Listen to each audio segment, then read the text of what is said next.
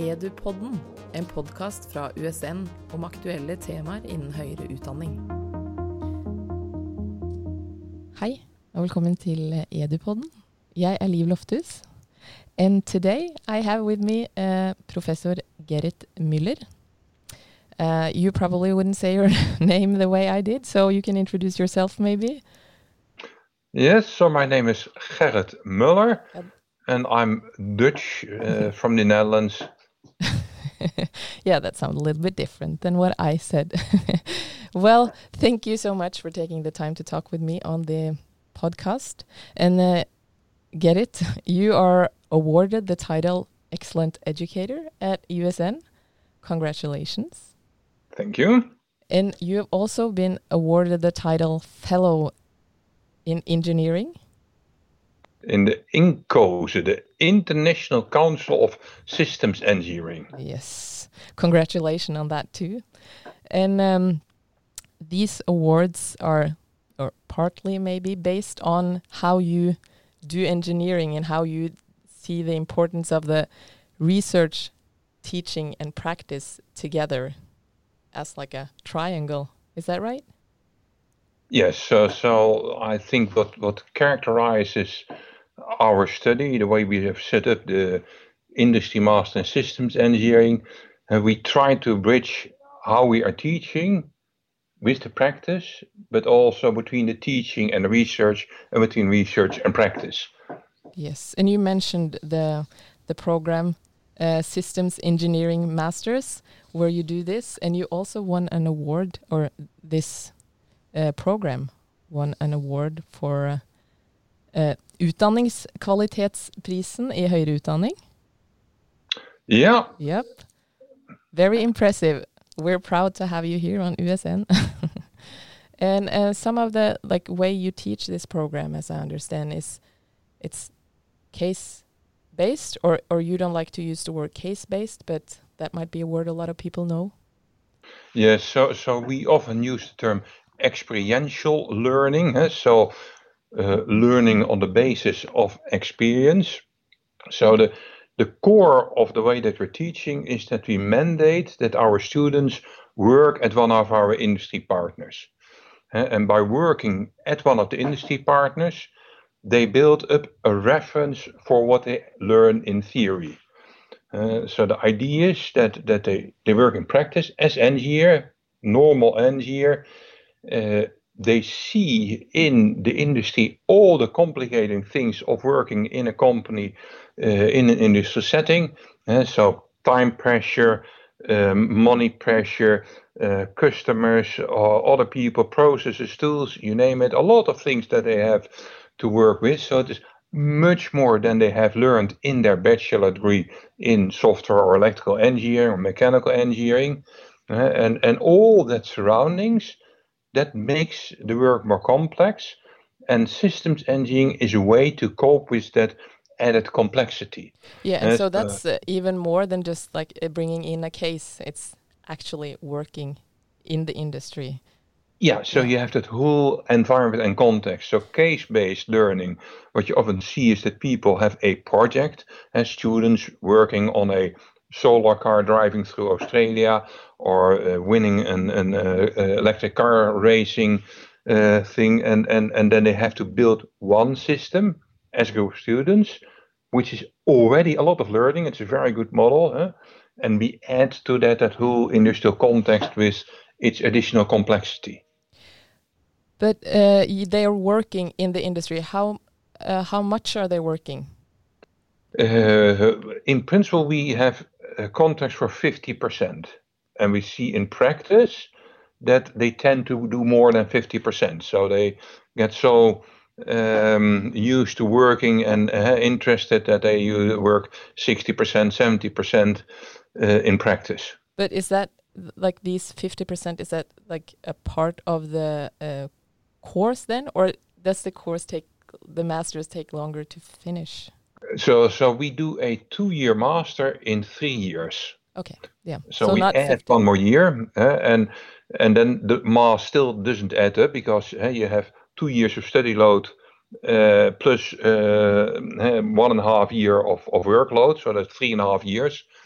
and there is overlap, and the overlap is in the master thesis, in the master project. So the last half year, they work full time, but the work they do, we make sure that it is also useful as their master thesis.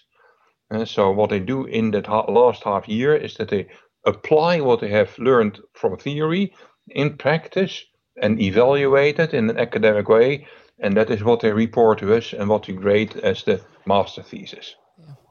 But uh, like we mentioned in the beginning, that you're using this triangle where teaching, practice, and research is uh, very important. Um, you haven't really spoken about the research part. Yeah, so so so the research part. Well, in fact, I implicitly already mentioned part of it. So you see that our master thesis, master project, we combine the teaching and and the research because they apply what they have learned uh, in practice, and then they have to study that, do research on how well does it perform. Huh? Uh, but we do it in many ways. So in the courses, we ask students to bring in their cases from their company, uh, and then we see it. And and I often tell, as as teacher, I learn more than the students. I learn all the time from my students. Uh, I see what problems they have. They, I see what problems their company have. I see, I hear what works and what's not working, uh, and then we can use that and research it further and say, well, uh, we are teaching this method, and we claim that this is a good method, and now we hear in practice that uh, this isn't working that well, uh, and then we can adapt that and see whether the adaptation works better. Yeah, so you not only teach research, you do research as a teaching method. Yeah, yeah, yeah, and all the time we have these kind of uh, combinations. Yes. Yes. Yeah. Sounds uh, complex. but no, well, yeah, it, it, it, it, requires from us teachers that that that we are all the time curious and and and listening and uh, empathic to to what uh, the students are doing. Uh, so so hearing, listening, observing, uh, wondering. Mm. Uh, I uh, I read in your um, application for the um, Excellent Educator Award that you were also uh, you find lifelong learning like very important, and uh, you've also already spoken about that. I think that you take in what they learn in the industry, and then you uh, yeah apply it in your teaching. So then I guess it's lifelong learning not only for the students but everyone involved? yeah, so so we as teachers we definitely do lifelong learning. Eh? Yeah, so so having that contact with students forces you to stay up to date. Uh, but reversely, we also invite people from practice to come to the classroom, uh, either as participant or as teacher, and and uh, keep them involved in what we're teaching, and and and keep them up to date with the systems engineering methods and techniques. Oh, so when they're done as, as students in your program, they're they're still lifelong learners in your program. Yes, yes. So the last session in our reflective practice is is a workshop on from student to systems engineer, and and and what we primarily discuss is is that the learning doesn't stop when you stop as a student.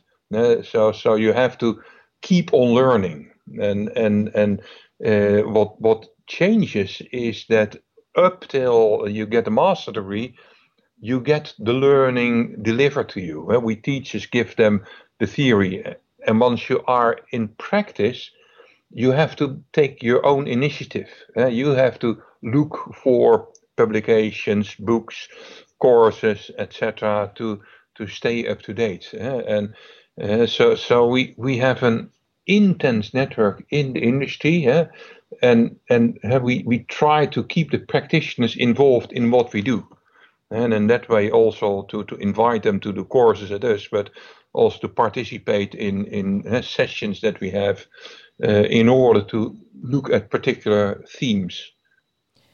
Um, what it's it really sounds like it's like a win-win for both the industry and uh, and USN and teachers and learners.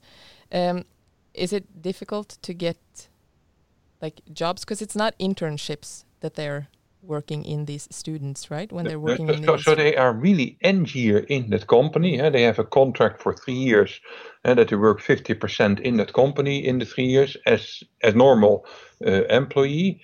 And uh, what we see is that a significant amount of students that finishes continues in that company. There's also a significant amount that that finds another job. Uh, so we see that that that we have very few students dropping out of the study. Uh, so most of them reach really the, the end part, uh, they're re, and then most of them f- have a job immediately or find a job very fast.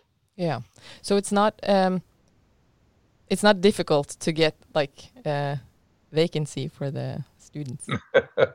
well, the, the, so, so there are two challenges. Huh? We need with the industry to arrange that they have positions for us, and and we have an, a big amount of industry partners. Uh, but of course, like now when we have the oil price crisis plus the corona crisis, uh, then then we see that the number of positions goes down because the industry has a difficult time. Mm. Uh, so it goes a little bit up and down with the con uh, the conjecture, and um, then the, the next challenge is to find student candidates. Uh, so find students in Norway that want to study in our master program. And, and there we also have to work hard to get enough candidates in. Also, uh, you you search for the students. We we have we go to all kinds of career events at other universities uh, where where bachelors are looking for what they want to do after the bachelor. Uh, and then we have to, if we have 30 industry positions, our experience is we need more than 100 candidates uh, because you do a matching between the candidates and the positions, uh, and you have to find a good match between the industry partner and the specific student. Oh, so that, wow. it's not uh, coincidental where they end up. No, no, no. no. It, it, it's yeah. We have a special fast matching process where we first exchange with the industry uh, the, the different candidates, and then we make a sub-selection, and then we arrange a matching event where students talk with a set of companies, uh, and then at the end of that, we come to a yeah a good allocation of students. Mm-hmm. But we, we are unable to get all the students that get in indeed allocated to a company. But it, this really sounds like uh, one of USN's uh, goals is that uh, the the studies should be regionally anchored, and this really sounds like you're getting the region to be, yeah. Yeah, so so we, we have a lot of active contacts with the Næringspark, uh, with the industry park, and, and, and the different companies in in order to make this work. Yeah. Mm. Uh, you're also uh, you also said in your application that it, it's you have a you you're focusing on reflective practice, and that yeah. you work on different competences than uh, mainly engineering. Uh, uh, yes. So so so first of all, reflective practice is kind of core of of the whole program setup eh, because it uh, helps students to connect the theory we teach at school uh, to the work they do at the industry. And what they typically experience that there is a gap between the two. Uh, so the theory is somewhat theoretical and the practice is uh, practical. Yeah. and, and, and, and so we have to help them see how you can apply that theory in practice. Uh, and in these workshops, we give them the means to how do you think about it. and then you use reflection. So you apply something and then you look at what have we done uh, how did it work? What worked well what didn't work well? And and then you conceptualize that and you say hey wait a minute. Uh, now i think i understand. And in fact you have to apply it then again. And you keep on doing that so that you gradually really start to learn uh, how things work in practice and when it works and how well it works. So reflection is a core part of learning and then we build in that reflective practice in steps a, set of competences that they need in systems engineering, and like critical thinking, yeah, and and and but also uh, we give a hint that that soft skills are very essential for systems engineer, uh, things like communication, but uh, but then, then we say, well, we, we don't teach you all of that ourselves. but you have to develop that in your career. Yeah, and then being out doing the practical work is a good way to practice these uh, competences. Yeah. Yes. Yeah, they have to do that. yeah.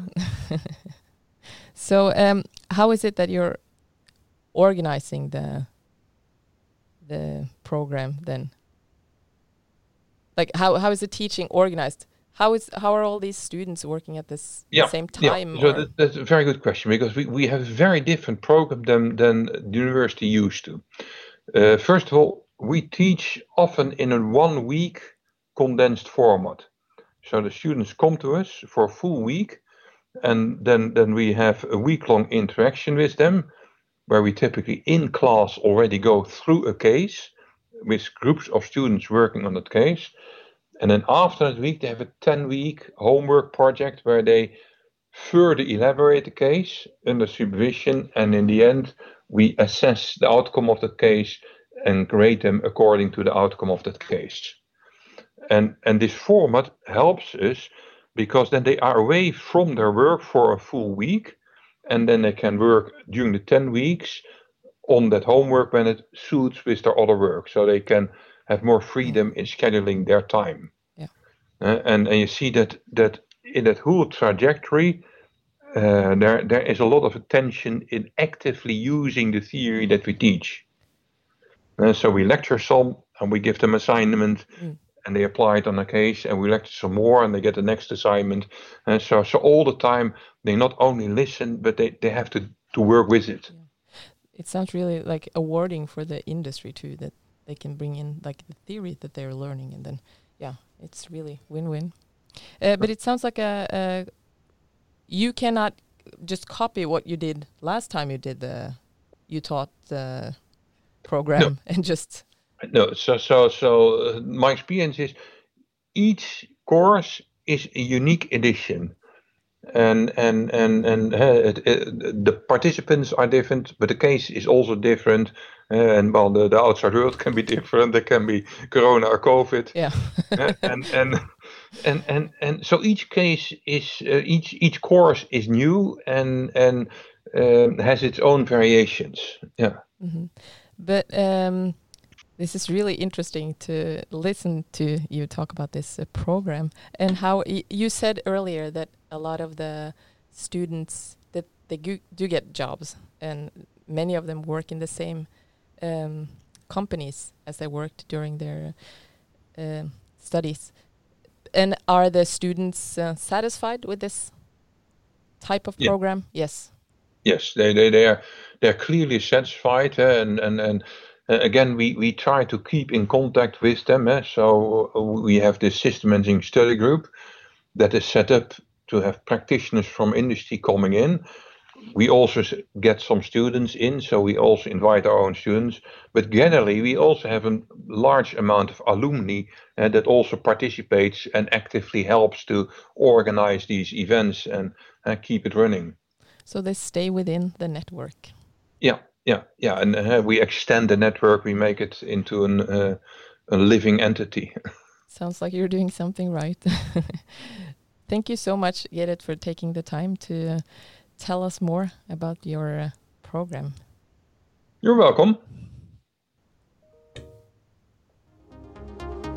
Edupodden